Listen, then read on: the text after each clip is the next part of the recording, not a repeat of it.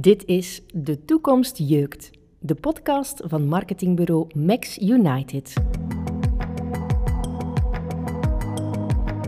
Kurt Ostien en Cies Scherpreel praten met ondernemers en experts over ondernemen in een snel veranderende wereld.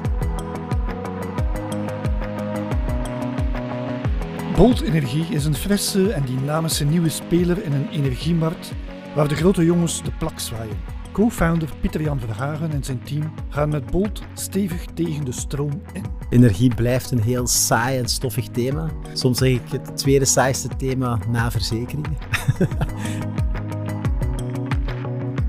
Pieter-Jan Verhagen, fijn dat we even bij jullie op kantoor mogen komen. We zitten hier in uh, Hartje Brussel op 16 hoog, dus dat uh, geeft niet alleen een fantastische zicht, maar ongetwijfeld perspectief op een fijn gesprek. Um, maar vooraleer we um, van start gaan, wie is uh, Bolt Energie? Want daar sta jij voor. Ja, welkom Sis. ja, Bolt is eigenlijk het allereerste energieplatform in België waar dat mensen hun stroom rechtstreeks kunnen gaan kopen bij lokale opwekkers van groene energie. Dus dat kan bijvoorbeeld Valerie en Frederik uit Lievegem zijn, die met een biogasinstallatie ja, enkele duizenden gezinnen van stroom voorzien. Of een boer die zijn dak vol zonnepanelen legt. Maar dat kan ook perfect een windmolen zijn die je op weg naar je werk tegenkomt. Voor ons is het heel belangrijk dat mensen rechtstreeks eigenlijk bij de bron hun stroom kunnen gaan halen. Uh, je bent daarmee gestart een jaar geleden ongeveer. We zijn oktober 2020, dus ja. zomer 2019 uh, eh, is ja. jouw startmoment geweest. Ja, we hebben natuurlijk wel lang moeten voorbereiden, omdat er heel veel bij komt kijken achter de schermen. Maar we hebben gelanceerd eind augustus vorig jaar. En uh, we zijn nu toch al mooi gegroeid tot meer dan 8000 gezinnen die eigenlijk gekoppeld zijn aan 75 opwekkers ongeveer. Ja. Dus. Opwekkers en verbruikers, daar komen we straks wel nog meer op terug. Ja. Um, is, het, is het initiatief vooral een, een, een kwestie van ja, een, een tegenwind tegen greenwashing? Is dat het objectief geweest? Uh, ja, ik, ik, ik, heb zelf altijd in de sector als consultant actief geweest. En wat mij voornamelijk stoorde was dat alles zo traag vooruit ging. Dus ik denk dat nu heel veel deugd doet om met Bolt toch tegen de stroom in te gaan. Dat is ook onze slagzin. En te proberen ergens toch iets los te wringen en uh, ja, een stroomversnelling eigenlijk op de transitie teweeg te brengen. Door effectief die mensen rechtstreeks gaan verbinden bij mensen. Want langs de ene kant heb je heel veel mooie projecten die daar allemaal groene stroom opwekken. Die dan niet de aandacht krijgen die ze verdienen. En langs de andere kant heb je heel veel Vlamingen die daar effectief wel groene stroom willen kopen maar niet altijd de contracten afsluiten die dat effectief impact hebben. Ja. Je vertelt van ja, heel veel werk achter de schermen. Kan je ons even meenemen naar die, die start-up tijd van een jaar of misschien meer dan een jaar geleden? Ja, zeker. dus ja, op zich, om een energieplatform zoals ons op te richten, heb je een leveranciersvergunning nodig.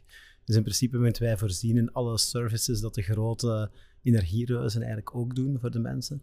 Dus uh, het is niet gewoon even stroom opkopen en uh, herverdelen. Maar je hebt ook uh, ja, openbare dienstverplichtingen. Je hebt ook uh, allerhande processen die je de baas moet kunnen. Verhuisprocessen, nieuwe aansluitingsprocessen, et cetera, et cetera.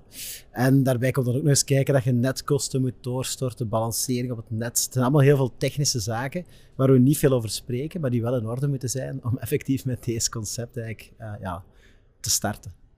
Het, het energie is, is, eigenlijk een vrij complexe wereld, denk ik, voor wie er niet middenin zit. Um, ik heb uh, gelezen, ben, ik heb ook uh, wat, wat, ben wat wijzer geworden ter voorbereiding. um, een energieproducent die krijgt uh, voor elke megawattuur groene energie die je opwekt recht op één GVO. Ja. Wat is een GVO? Um, ja, een GVO is een garantie van oorsprong. Dus uh, als je eigenlijk een opwekker bent in IJsland, België, Italië, of maakt niet uit, ergens in Europa, dan heb je recht per megawattuur, een één eenheid energie die je opwekt, eigenlijk op zo'n certificaat. En op dat certificaat staat letterlijk, alsjeblieft sis, proficiat, je hebt 1 megawattuur uh, windenergie opgewekt of zonne-energie. En dat certificaat kun je eigenlijk naast je stroom gaan verkopen. Dus hebben we gezegd van oké, we anonimiseren stroom en we geven die certificaten effectief als uh, meerwaarde voor het groene label dat eraan plakt. Maar het probleem is natuurlijk dat die certificaatjes, ja, dat die merk niet echt helemaal werkt zoals het zou moeten. En dat daarom eigenlijk groene stroom gratuit is geworden in, in, in, Vlaanderen voornamelijk. Het is een term die intussen wat uitgehold is.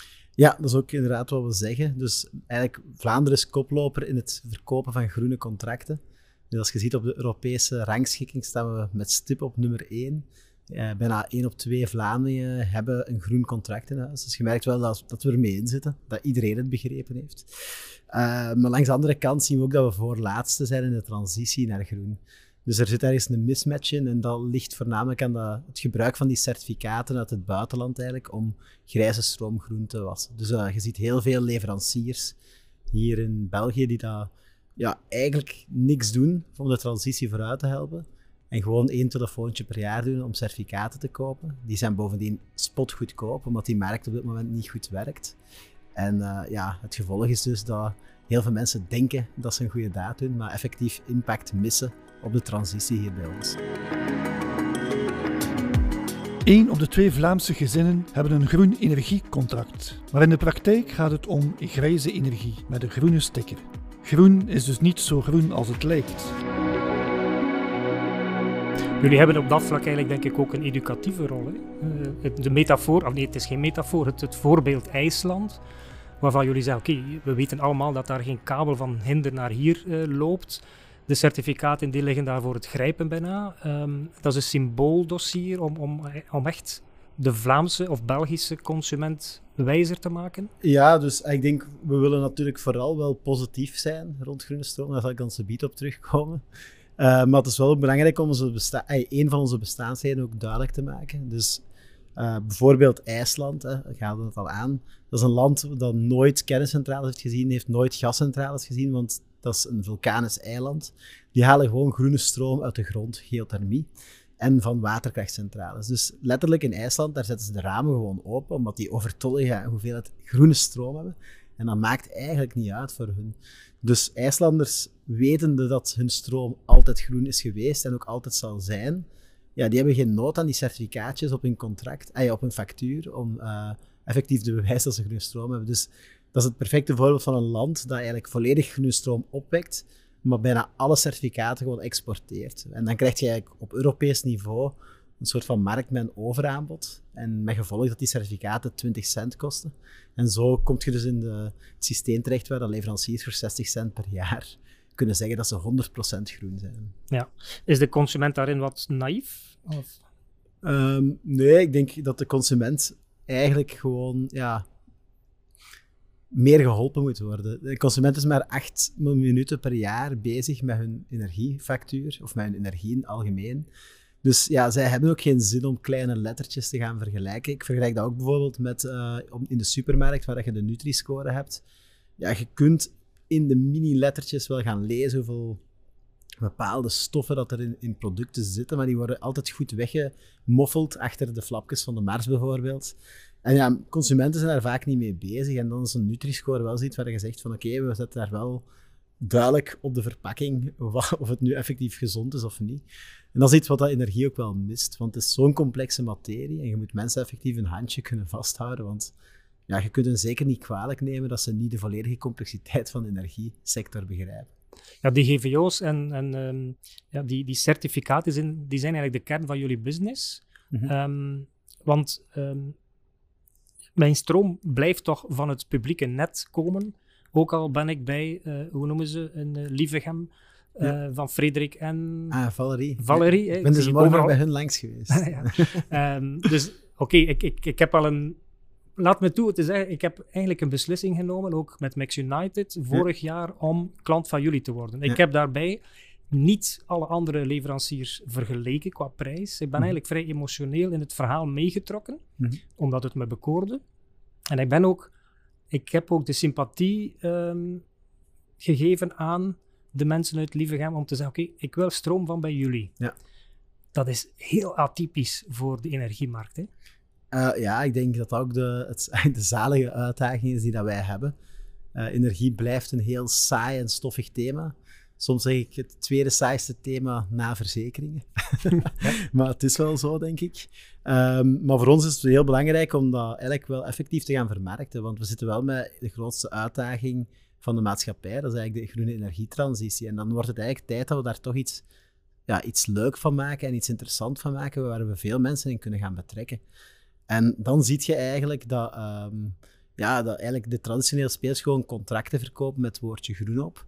Maar dat wij eigenlijk door een stap verder te gaan, echt effectief wel op die transitie willen gaan wegen. En wat willen we dan doen? Uh, wij kopen de stroom en de certificaten op. Dus legaal gezien zouden we enkel certificaten moeten kopen om dit verhaal uh, rond, te, rond, te maken. Maar voor ons, ja, korte keten gewijs, willen we ook zeker hun stroom kopen. Dat zij ook effectief een correcte prijs daarvoor krijgen, want dat is niet altijd het geval op dit moment. En um, op die manier eigenlijk mensen ja, inzicht te geven in de origine van hun stroom. Want mensen kopen graag van mensen.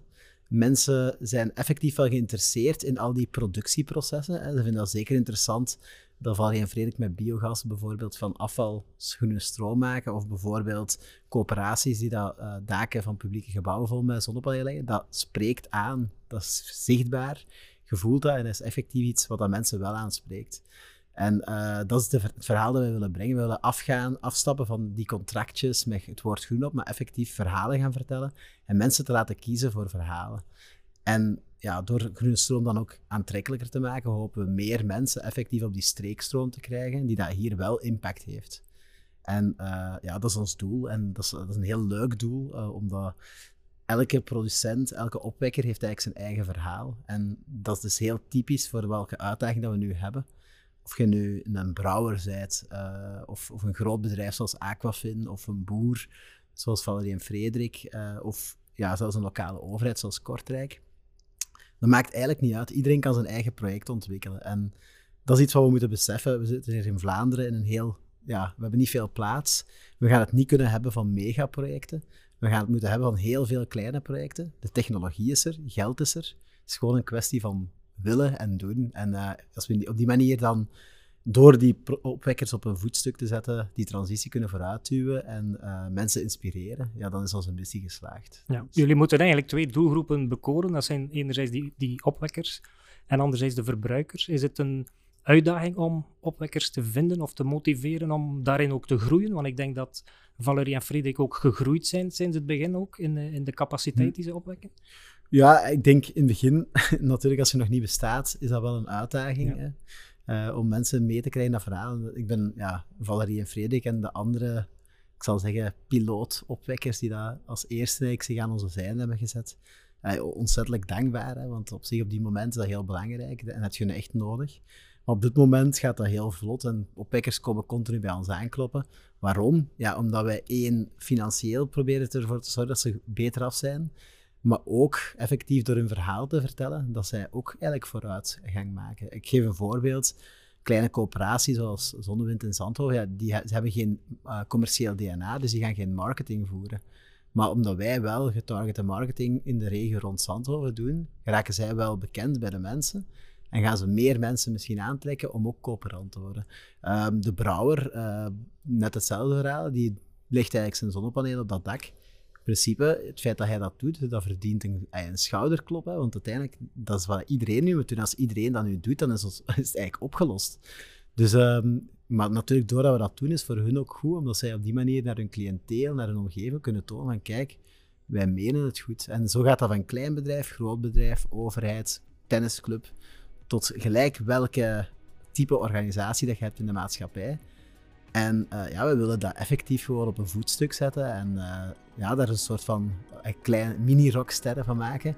Omdat zij eigenlijk de rest moeten inspireren om ook mee te doen.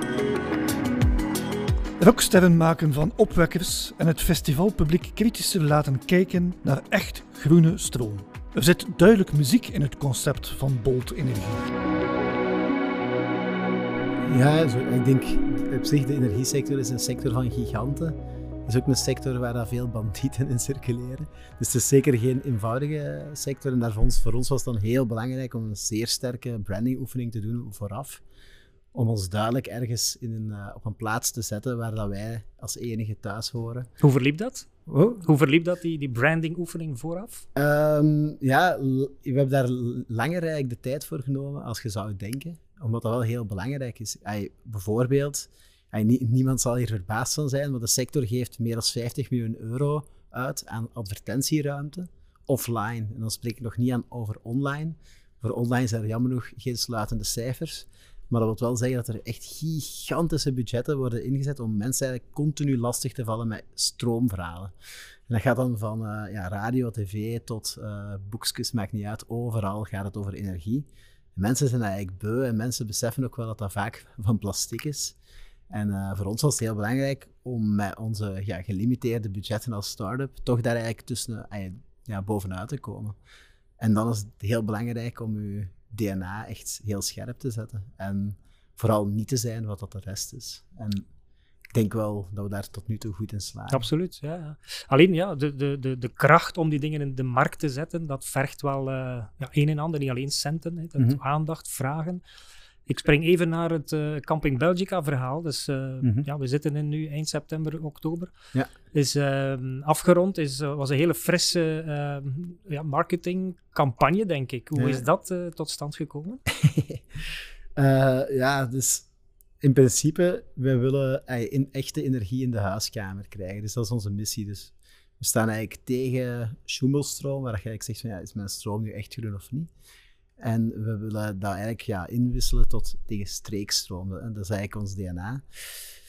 En dat willen we eigenlijk ook. Ja, we dachten van ja, hoe kunnen we eigenlijk, eigenlijk nog meer mensen eigenlijk bewust maken van wat dat Bolt is. En ja, energie, Bolt is superleuk, denk ik, uitgewerkt, maar het blijft energie. Hè? Um, dus hoe kunnen we meer mensen eigenlijk bewust maken van het bestaan van Bolt?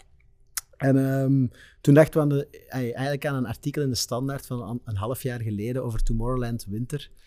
En daar stond één zinnetje in dat, dat, dat mij was bijgebleven. Drie vierde van de CO2-uitstoot van evenementen komt van energie. En dat is letterlijk zo. Achter de mainstages staan generatoren, te, ja, diesel op te branden. Uh, en ja, dat is eigenlijk heel jammer, want dat heeft een gigantische impact. En we hadden ook al wel wat connecties in de, energie, in de eventsector, omdat we ook aan het kijken waren van wat kunnen we eigenlijk doen om samen ook uh, leuke campagnes uit te werken. En toen zijn we eigenlijk met het idee gekomen, ja, maar eigenlijk als we nu eens gewoon uh, ja, een soort van mobiel zonnepark maken, dat we effectief uh, van festival naar festival kunnen vervoeren, met daaraan gekoppeld een dikke batterij eigenlijk, en die batterij ook aan het net gekoppeld, om eigenlijk te die batterij continu op te laden met de stroom van onze opwekkers. Hoe, hoe fantastisch zou dat niet zijn? Want dan kunnen we effectief die festivals echt groen maken.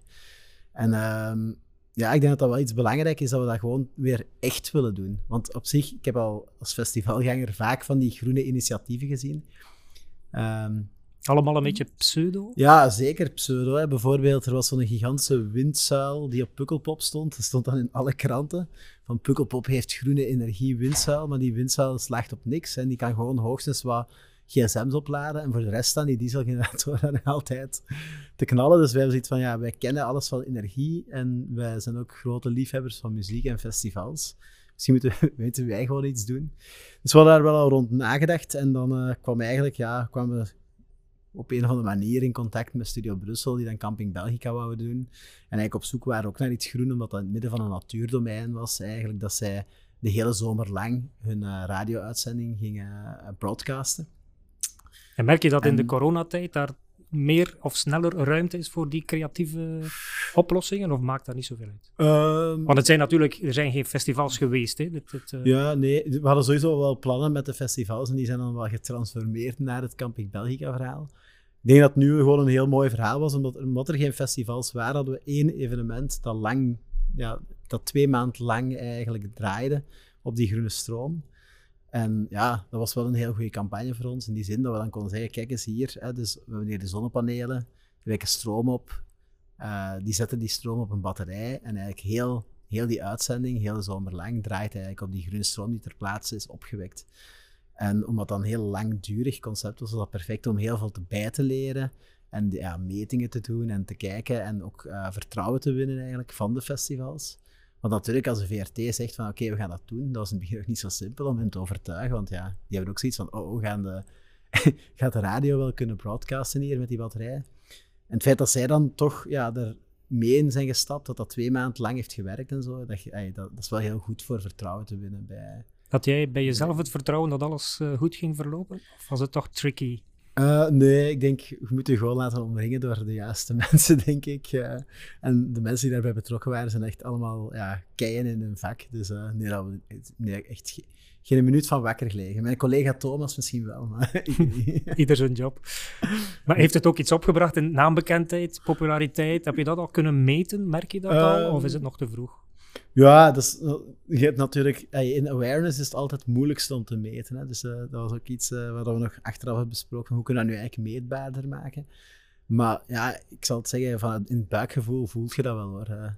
Als je gewoon aan kijkt, mensen die je tien jaar niet hebt gezien, die daar ineens over beginnen. Ik heb u daar gezien of dit, Camping Belgica. Ik denk ook wel gewoon ons kunnen ja, naast Studio Brussel zetten, is ook wel iets waar we toch wel ook vertrouwen mee kunnen winnen en ergens ja, toch een, ja, een volgende stap te nemen, denk ik, als merk, naar een soort van ja, gevestigde waarde. Ja, want ik denk, als ik in mijn omgeving, professioneel of vriendenkring, over Bolt Energie spreek, dat heb ik wel al vaker gedaan, ehm, zonder dank, dan, uh, dan uh, rinkelt er geen belletje. Dus die, aan die naam bekend, is dat de grootste opdracht voor de komende ja, maanden, jaren misschien? Uh, ja, ik denk dat wel. Ik denk eigenlijk zo, iemand vroeg zo, ja, als je nu met iemand spreekt, um, hey, waarom Bolt? Hè, zo. En dan, en dan hey, waarom Bolt vroeg aan hem. En, hij, en dat was eigenlijk een klant van ons. Dus hij vroeg van, waarom Bolt? Hè? Omdat we zo wel horen van, ja, wat zouden nu eigenlijk de argumenten zijn? En die antwoorden heel straf van, ja, waarom niet eigenlijk? Hij, op zich, qua prijs zitten wij goed. Wij zitten gewoon, ja, op zich, we, proberen zuivere groene energie, we proberen impact te maken. Waarom zouden mensen niet overstappen? Dus ik denk dat, dat vooral voor ons inderdaad de uitdaging is om mensen effectief aware te maken van Bolt. En ja, ik heb het net, nog over gehad over de sector en communicatie, dat dat inderdaad wel...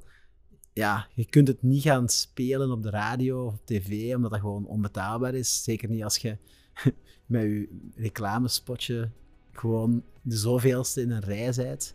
Dus ja, we moeten ook creatieve manieren vinden, denk ik, om ja, dat merk te blijven plaatsen in de markt. En dat is natuurlijk wel een uitdaging met corona, omdat dan het volledige offline kanaal wegvalt. Bolt is een teamgebeuren met een mix van verschillende expertises aan boord. Maar hoe ziet de dag van Pieter Jan eruit? Ja, wat doe ik? Ik denk van alles en niets. Uh, ik probeer in de eerste instantie wel gewoon zorgen dat alles goed gemanaged is. Dus uh, ja, planningen, taken, uitvoer, um, dat, dat, dat effectief werkt. Uh, mensen met elkaar laten spreken, denk ik. Um, langs de andere kant, ja, het financiële luik zit ook wel bij mij natuurlijk. Het opvolgen van performantie.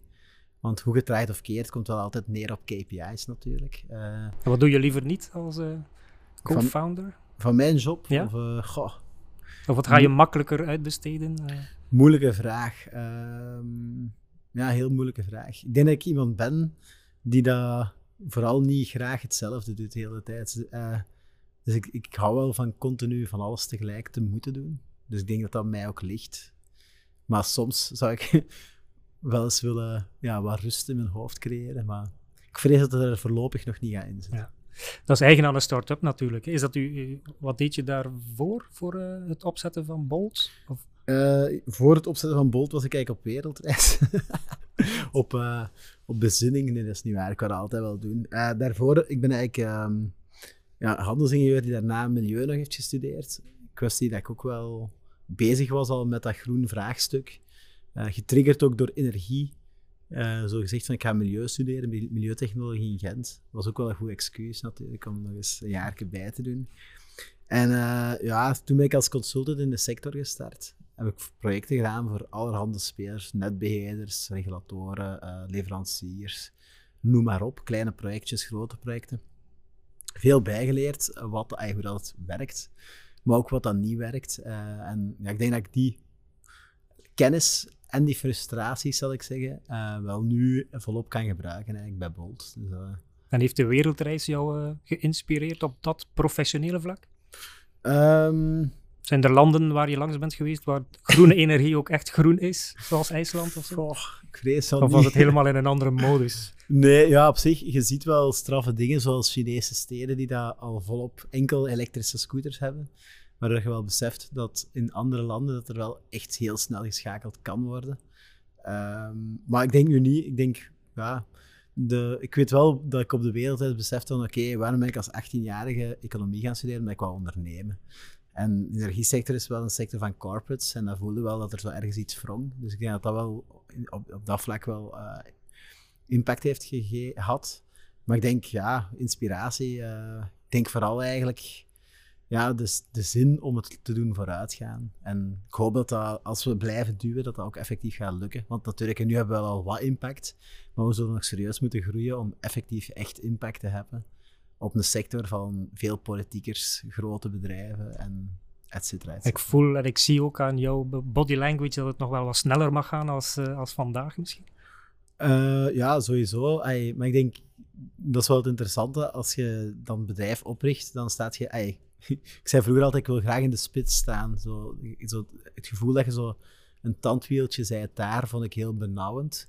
En nu is dat wel leuk, omdat je inderdaad effectief wat in de spits aan het werken bent. En als je in de spits werkt, dan leert je ook alle stakeholders kennen. En dat is wel iets heel boeiends. Eh, regulatoren, politiekers. eh, je merkt meer en meer ook hoe dat de maatschappij werkt, hoe dat de sector al in het algemeen werkt. Dus niet enkel die concurrenten, maar ook regelgeving, et cetera, et cetera.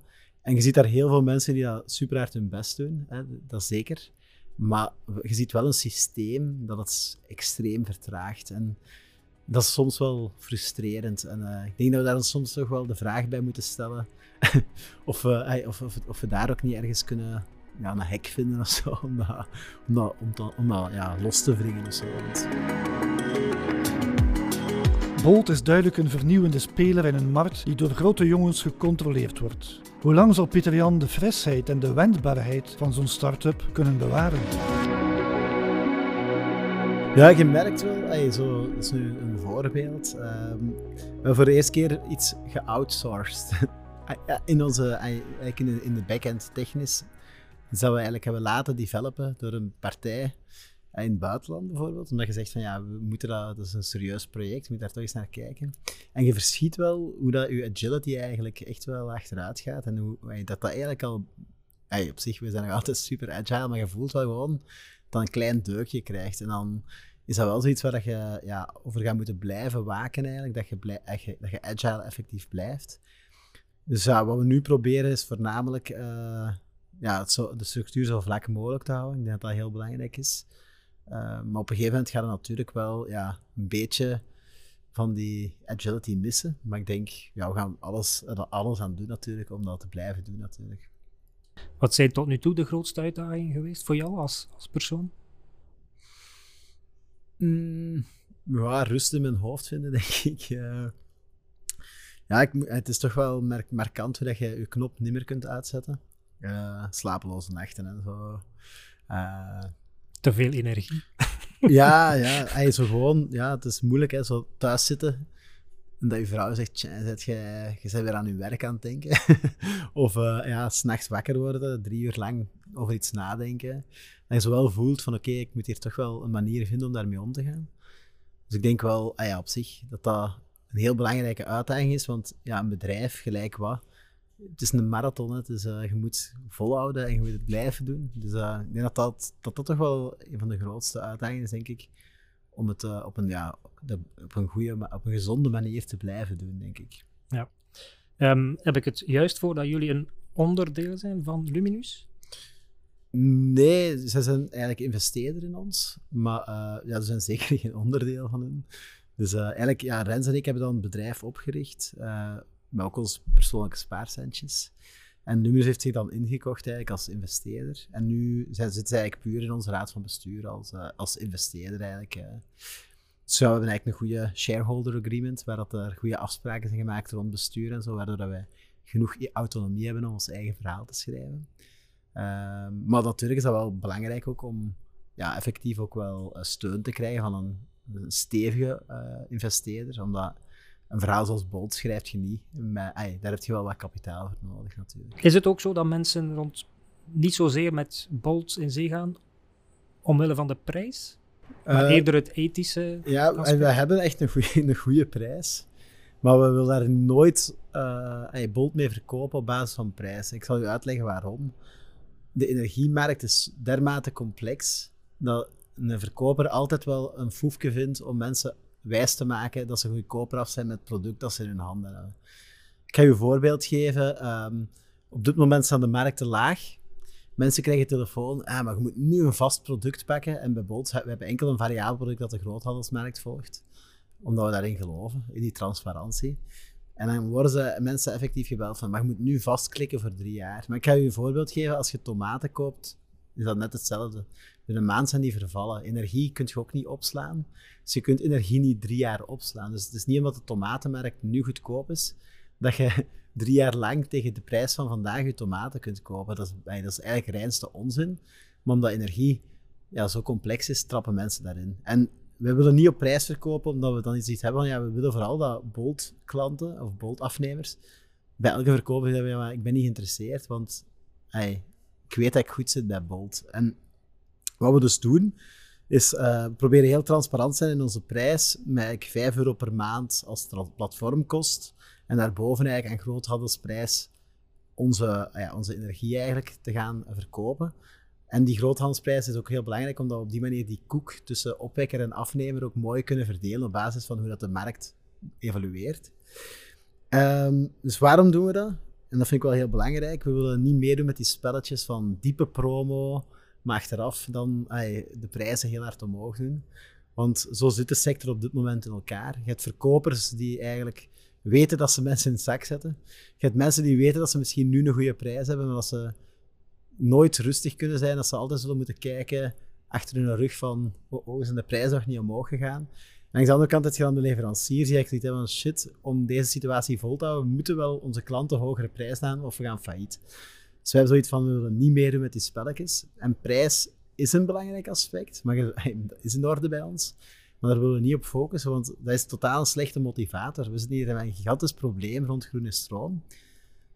En waarom, zit, waarom is dan de, de belangrijkste communicatie in de energiesector? Hey, switch elk jaar. Kijk naar je prijs, vergelijk. Dan denk ik echt, hey, waar zijn we mee bezig? Die 50 miljoen euro moet je net steken in... Uh, hey, gaan we nu eens echt groene energie van maken? Uh, of misschien die 15 miljoen euro effectief in windmolens of zonnepanelen steken. dus ja. Een goede prijs, maar vooral een eerlijk product. Zo kunnen we de focus van Bolt Energie samenvatten. CIS wil ook even polsen naar de groeikansen van Bolt. Liggen die internationaal of eerder lokaal? Ja, ik denk, we zijn een lokaal product, dus we willen eerst het lokaal deftig uitwerken. En ik denk dat we nog niet klaar zijn voordat we in elke gemeente drie opwekkers hebben. Dus ik denk, pas dan zal stroom effectief heel, heel, heel tastbaar worden. En ik denk dat dat pas het moment is dat we echt zeer sterk in de schoenen staan en effectief ja, iedereen, groot of klein, zwaar kunnen gaan uitdagen om mee te doen. Ehm, is er vandaag een groot verschil tussen Wallonië en Vlaanderen? Ja, we zijn in Wallonië pas in begin juli live gegaan. Dus natuurlijk is dat wel voornamelijk Vlamingen platform. Maar we zien wel dat er al redelijk wat, dat ondertussen ook al bijna duizend Walen zich hebben ingeschreven. Dus dat gaat wel vooruit. Um, ja, het hangt er een beetje vanaf. Energie blijft wel een product waar je op moet werken. Het is niet zoiets dat viraal gaat van wow, zot. Uh, dat is nu eenmaal zo. Dus het hangt er eigenlijk ook veel vanaf waar dat we actief zijn en waar dat we effectief aan het communiceren zijn of uh, actie aan het voeren. Ja. Zijn er gelijkaardige modellen in het buitenland? Ja, dus eigenlijk in het buitenland, uh, dus, ja, op zich heb ik het idee een beetje gestolen uit Nederland, waar al vaker ja, lokale boeren de windmolen eigenlijk hadden en die gingen te, ter beschikking zetten van de mensen.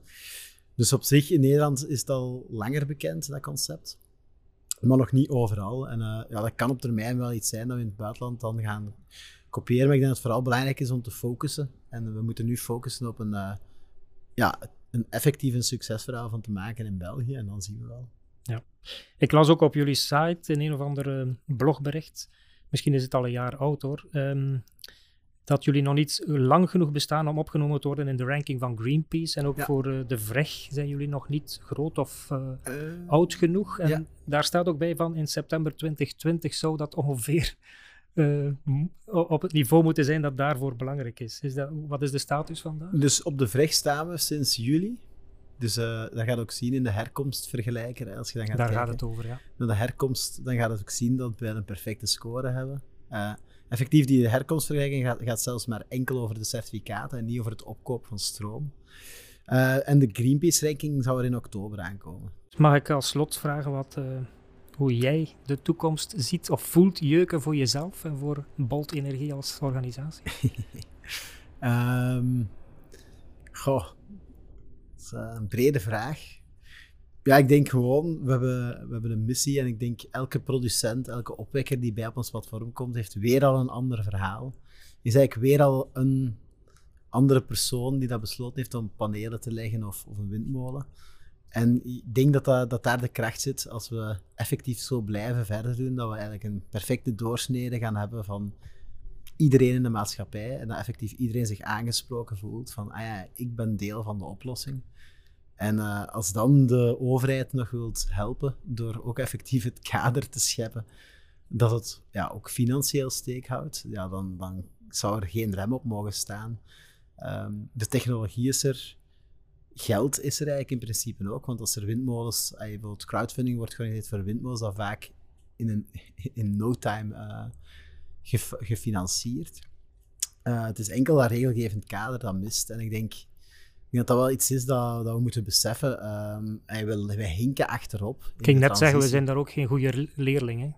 Nee, maar dat is echt erg. Uh, ik, dat is echt zonde, want je voelt, het is niet voor niks dat de helft van de Vlaamse gezinnen al een groen contract heeft. Dus ik hoop ook dat we die mensen kunnen wakker maken. Het is niet met een groen contract dat je transitie zult steunen. Dus je kunt uh, op zijn minst via Bolt bijvoorbeeld al uh, de transitie steunen. Maar hoe dat je het beste nog kunt steunen, door, zelf ook opwekker te worden. En als je voorzitter bent van een tennisclub, of je bent een bedrijfsleider of een schepen van, uh, van milieu bijvoorbeeld, jij kunt de impact maken. En bovendien kun je het zelfs als, als gezin ook. Uh, vanaf januari zullen we ook uh, gezinnen toelaten om hun stroom via Bolt te gaan verkopen. En uh, willen we ook mensen aansporen om als gezin mini-opwekker te worden. Want natuurlijk heb je als gezin niet genoeg om gezinnen te laten profiteren van je stroom. En uh, ja, we hopen gewoon dat we echt effectief ja, die bal aan het rollen krijgen. En ja, op zich, dan jeukt het. Hè. Ja. dus. Pieter Jan, heel hartelijk bedankt voor de inkijk in wie en wat ja, is. Het was gezellig, was gezellig. Ja. Bedankt dan ook voor een fantastische view. De kijkers of de luisteraars zien dat natuurlijk niet, maar uh, we zaten hier in een room with a view. um, ik hoop voor jou heel snel uh, die drie opwekkers per gemeente te kunnen ja, realiseren. Dus ik blijf fan en ambassadeur zoveel ik kan, want dit is een fantastisch mooi verhaal. Bedankt. Bedankt.